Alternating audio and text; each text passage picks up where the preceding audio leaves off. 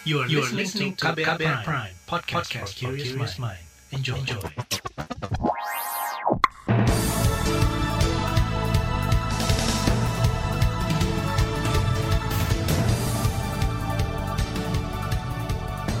Selamat pagi saudara, senang sekali kami bisa menjumpai Anda kembali melalui program Buletin Pagi edisi Jumat 8 Oktober 2021. Bersama saya Naomi Liandra. Sejumlah informasi pilihan telah kami siapkan di antaranya Presiden tetapkan 3.000 komponen cadangan untuk pertahanan negara. DPR sahkan RUU HPP menjadi undang-undang. Kepolisian buka kemungkinan tersangka baru dalam kerusuhan Yahukimo. Inilah Buletin Pagi selengkapnya terbaru di Buletin Pagi. Presiden Joko Widodo meresmikan pembentukan komponen cadangan Komcat 2021 di Pusat Pendidikan dan Latihan Pasukan Khusus Pusdiklat Pasus Batu Jajar Cimahi, Jawa Barat kemarin.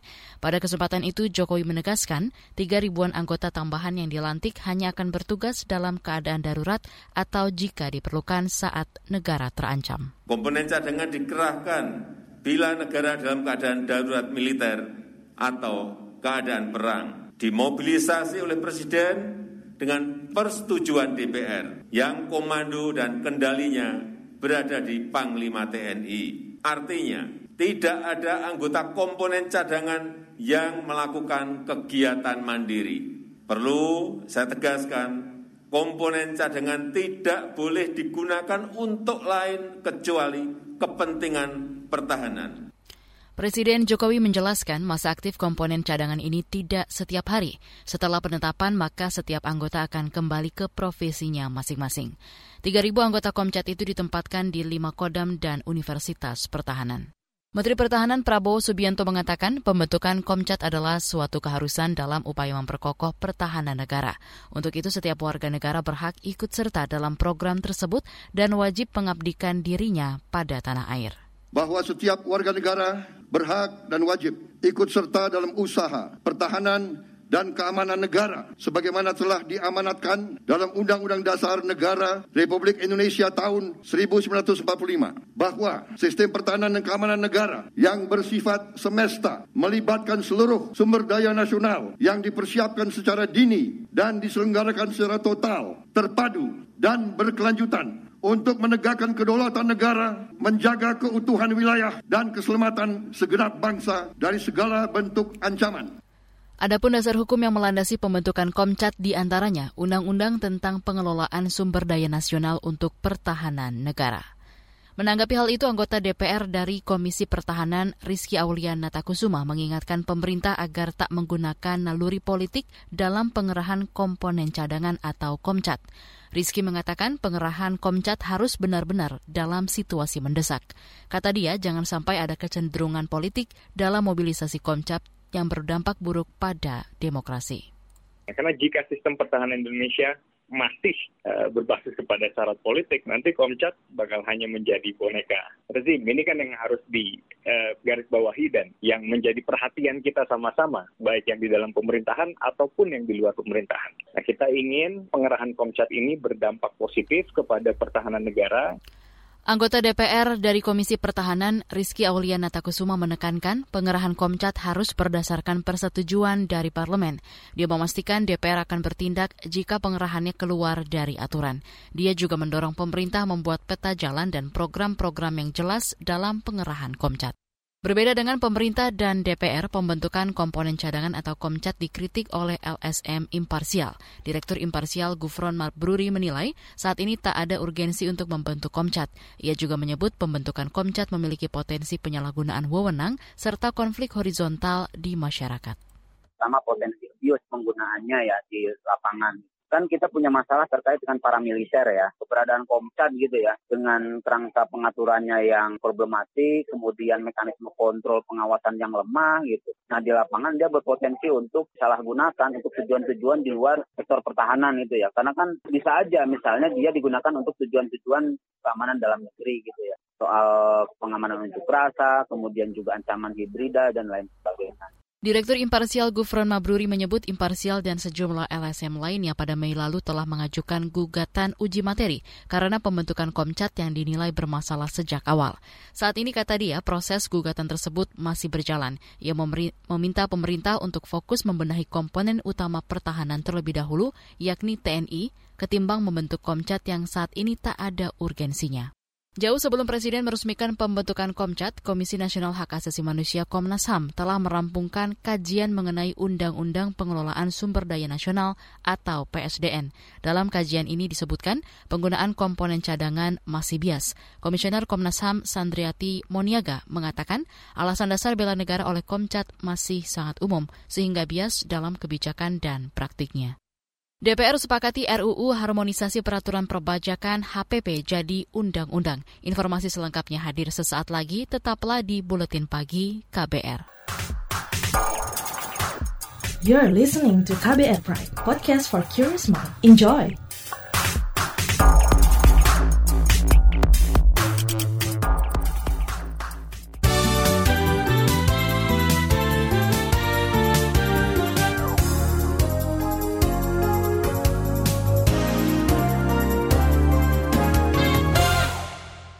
Anda sedang mendengarkan buletin pagi KBR.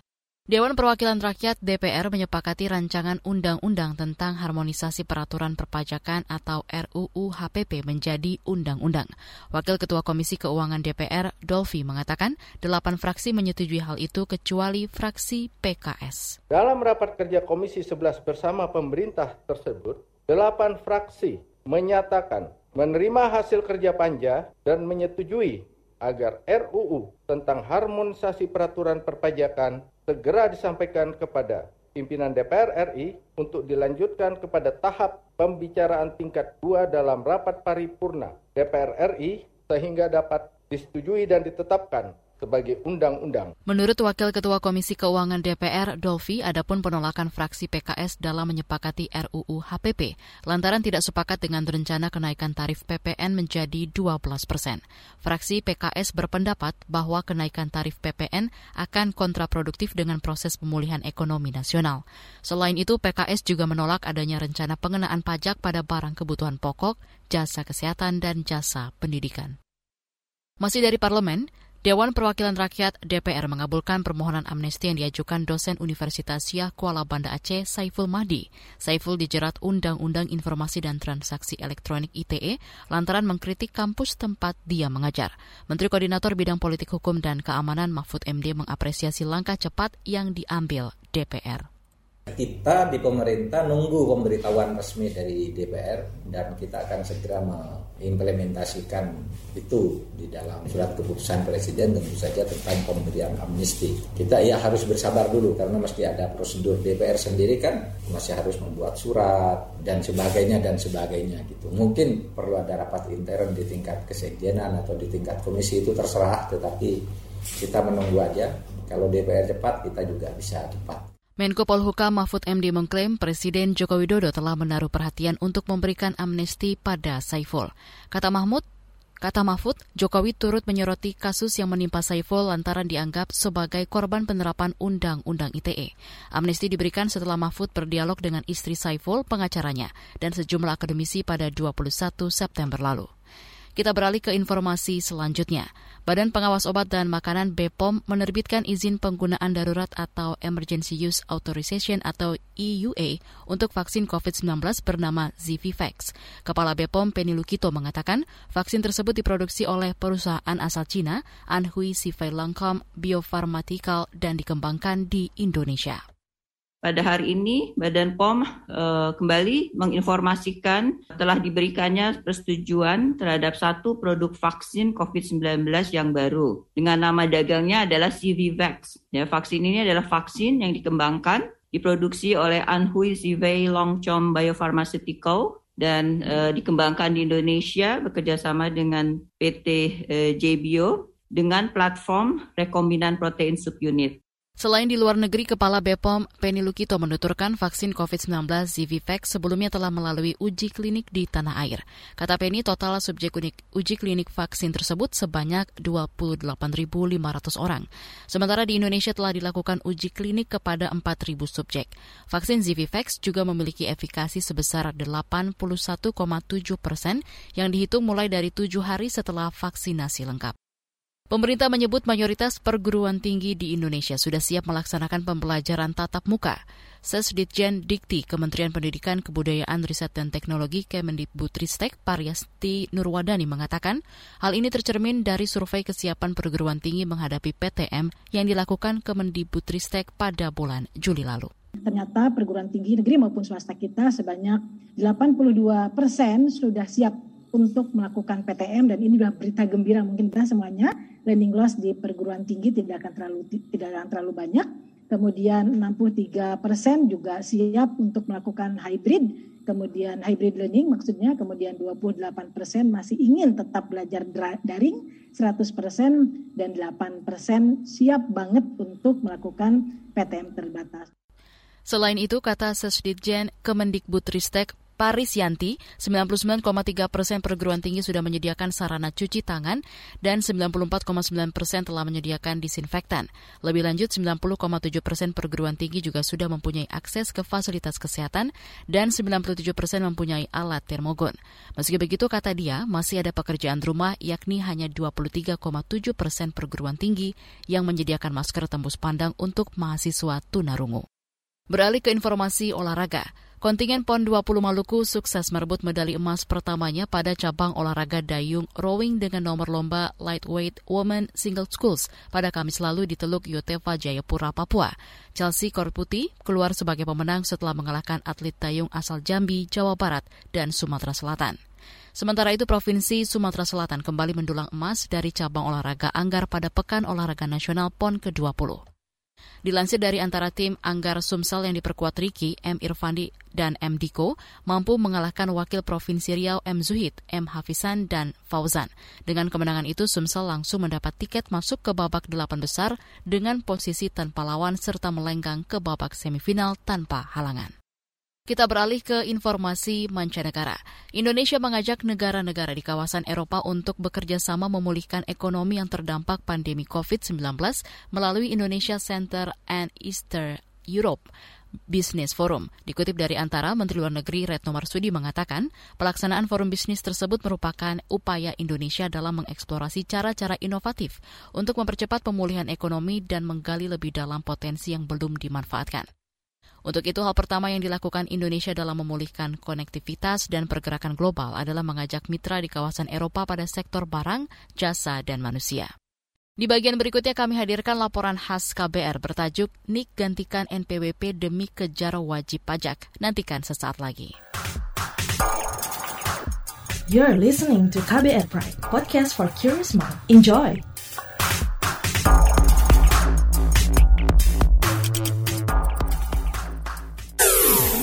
Commercial break.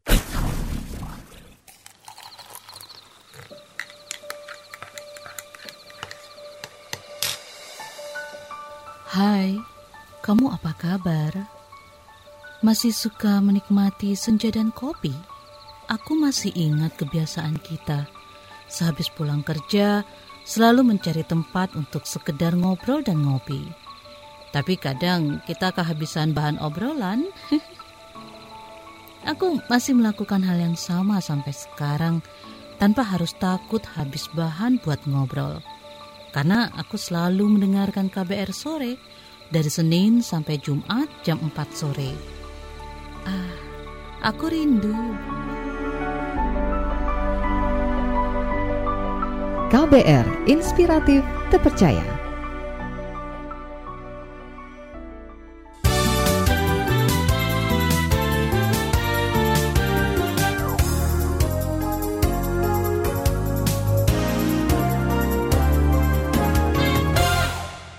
Anda masih bersama kami di Buletin Pagi KBR. DPR kemarin mengesahkan rancangan undang-undang harmonisasi peraturan perpajakan. Ini merupakan lanjutan dari reformasi perpajakan yang dilakukan pemerintah sejak 1983. Salah satu aturan baru adalah penggunaan nomor induk kependudukan atau NIK sebagai nomor pokok wajib pajak atau NPWP. Apa tujuannya? Berikut laporan khas KBR dibacakan Fitri Anggreni. DPR akhirnya mengesahkan rancangan undang-undang harmonisasi peraturan perpajakan yang dibahas bersama pemerintah sejak Mei lalu. RUU ini mengalami perubahan nama karena sebelumnya bernama RUU Ketentuan Umum Perpajakan. Salah satu ketentuan baru dalam undang-undang ini adalah penggunaan nomor identitas kependudukan atau NIK sebagai pengganti nomor pokok wajib pajak atau MPWP. Menteri Keuangan Sri Mulyani mengatakan penggabungan fungsi NIK sebagai NPWP untuk wajib pajak orang pribadi merupakan upaya memperkuat reformasi administrasi perpajakan. Sri Mulyani menugaskan Direktur Teknologi dan Komunikasi di Direktorat Jenderal Pajak Hantriono Joko Susilo untuk mengawal transisi penggunaan NIK sebagai NPWP termasuk di dalamnya mengantisipasi perubahan yaitu penggunaan nomor induk kependudukan sebagai nomor pokok wajib pajak.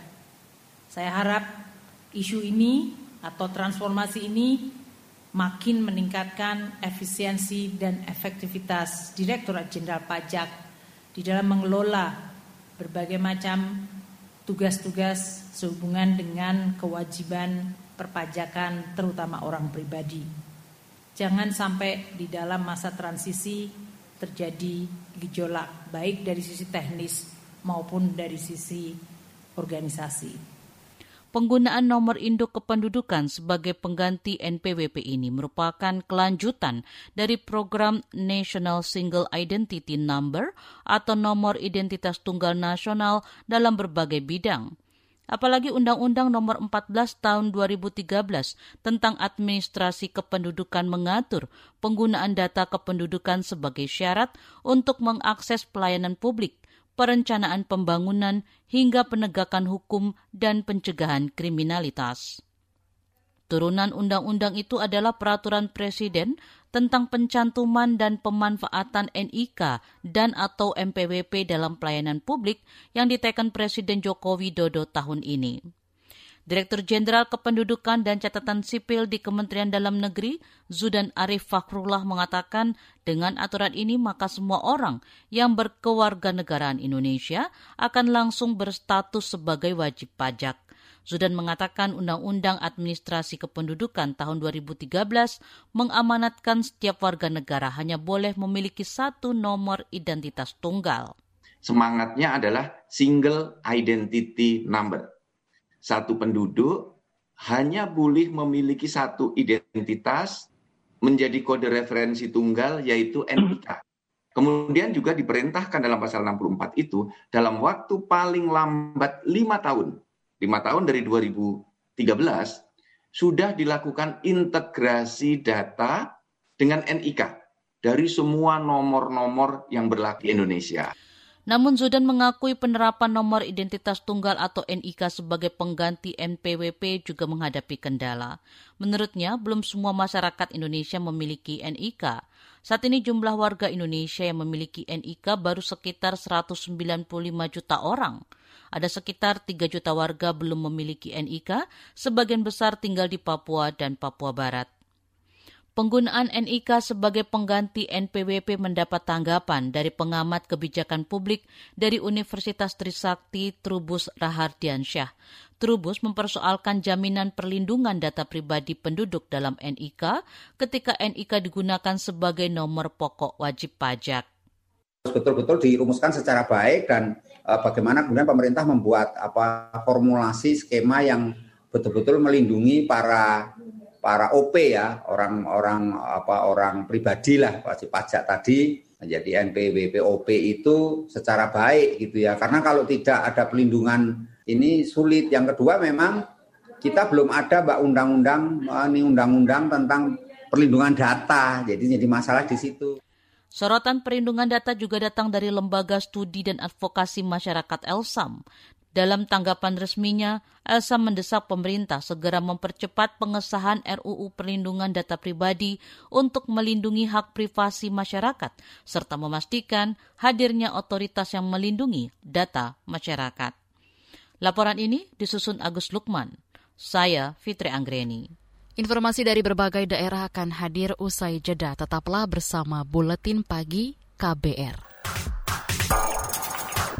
You're listening to KBR Pride, podcast for curious mind. Enjoy!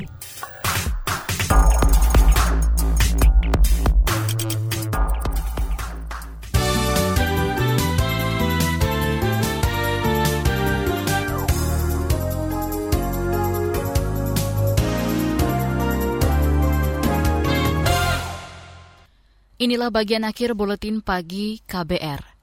Kepolisian masih mendalami peristiwa kerusuhan antar suku di distrik DKI Kabupaten Yahukimo, Papua. Juri bicara Mabes Polri Rusdi Hartono mengatakan sejauh ini belum ada penetapan tersangka baru. Namun polisi membuka peluang untuk menjerat tersangka lain. Sementara masih 22, tapi penyidik masih mendalami terus. Kemungkinan ada tersangka baru itu sangat besar. Ya, saya lagi mungkin bertambah itu sangat besar. Itu tadi juri bicara Mabes Polri Rusdi Hartono. Sebelumnya kerusuhan antar suku di Yahukimo terjadi pada minggu lalu. Peristiwa bermula ketika warga suku Kimial diduga menyerang penduduk suku Yali. Polisi menduga kerusuhan dipicu tewasnya bekas Bupati Yahukimo Abok Busup. Ia ditemukan meninggal di salah satu kamar hotel di Jakarta beberapa jam sebelum kerusuhan. Akibat insiden itu, enam orang tewas, empat puluhan lain mengalami luka-luka, dan tiga ribuan warga mengungsi. Cakupan vaksinasi COVID-19 untuk pengajar di tingkat madrasah dan pondok pesantren masih rendah. Hingga pekan pertama Oktober, baru sekitar 48 persen pengajar yang mendapat vaksinasi. Kepala Kantor Wilayah Kemenak Jawa Tengah Mustain Ahmad mengatakan, kendala yang dihadapi lantaran banyak pengajar memiliki penyakit bawaan sehingga tidak bisa divaksinasi. Hal ini membuat pembelajaran tatap muka atau PTM terhambat. Untuk pembelajaran tatap muka, itu semua guru dan tenaga kependidikan, artinya orang-orang yang terlibat di madrasah itu, semua harus sudah vaksin. Yang belum vaksin belum boleh, karena sebagian juga ada yang belum vaksin. Yang belum vaksin itu ada yang, tapi sebagian kecil saja, itu ada ya karena karena memang vaksinnya belum datang, tapi sebagian karena belum bisa divaksin karena uh, ada uh, ada persoalan kesehatan. Jadi dia belum bisa divaksin karena darah tingginya atau karena sebab-sebab yang lain. Tetapi kalau murid tidak, Kepala Kantor Wilayah Kemenak Jawa Tengah Mustain Ahmad menjelaskan saat ini lembaga pendidikan di bawah naungan Kemenak juga sudah seluruhnya menggelar PTM terbatas. Seluruh sekolah sudah memenuhi tiga persyaratan utama, yakni ketersediaan sarana prasarana, rekomendasi serta izin dari Satgas COVID-19 setempat. Orang tua siswa juga sudah mengizinkan anaknya mengikuti PTM terbatas. PT Kereta Api Daerah Operasional 9 Jember, Jawa Timur melakukan identifikasi jalur rawan bencana banjir dan longsor memasuki musim pancaroba. Juru bicara PT KAI Daop 9 Jember, Tohari, mengatakan berdasarkan hasil identifikasi, ada sejumlah titik yang masuk dalam kategori rawan banjir, yaitu sepanjang stasiun Probolinggo, stasiun Jember, dan stasiun Ketapang, Banyuwangi. Sedangkan untuk jalur rawan longsor di antaranya di kawasan Gunung Gumitir ada daerah-daerah rawan tertentu ya memang daerah rawan banjir, longsor dan lain sebagainya itu ada di lintas ini kami sampai dengan Jember itu yang paling rentan itu hmm. yang paling rentan itu adalah yang di daerah antara Pasuruan eh antara Bangil Pasuruan itu hmm. di daerah Keraton itu kan sering terjadi banjir. Dari hasil pengecekan kemarin ya pastinya sudah masih masih bagus. Juru bicara PT KAI Daop 9 Jember, Tohari mengatakan untuk jalur kereta api yang tanahnya labil pihaknya telah memasang paku bumi dan portal. Hal itu bertujuan untuk memperkuat jalur di sepanjang jalur kereta api untuk mengantisipasi amblasnya tanah. PT KAI juga telah menyiapkan alat material khusus AMSUS pada titik-titik titik yang dianggap rawan banjir. Selain itu pihaknya juga telah menyiagakan petugas pengontrol jalan selama 24 jam. Informasi tadi menutup jumpa kita di Buletin Pagi hari ini. Pantau juga informasi terbaru melalui kabar baru, situs kbr.id, Twitter kami di akun @beritaKBR, serta podcast di alamat kbrprime.id. Akhirnya saya Naomi Liandra bersama tim yang bertugas undur diri. Salam.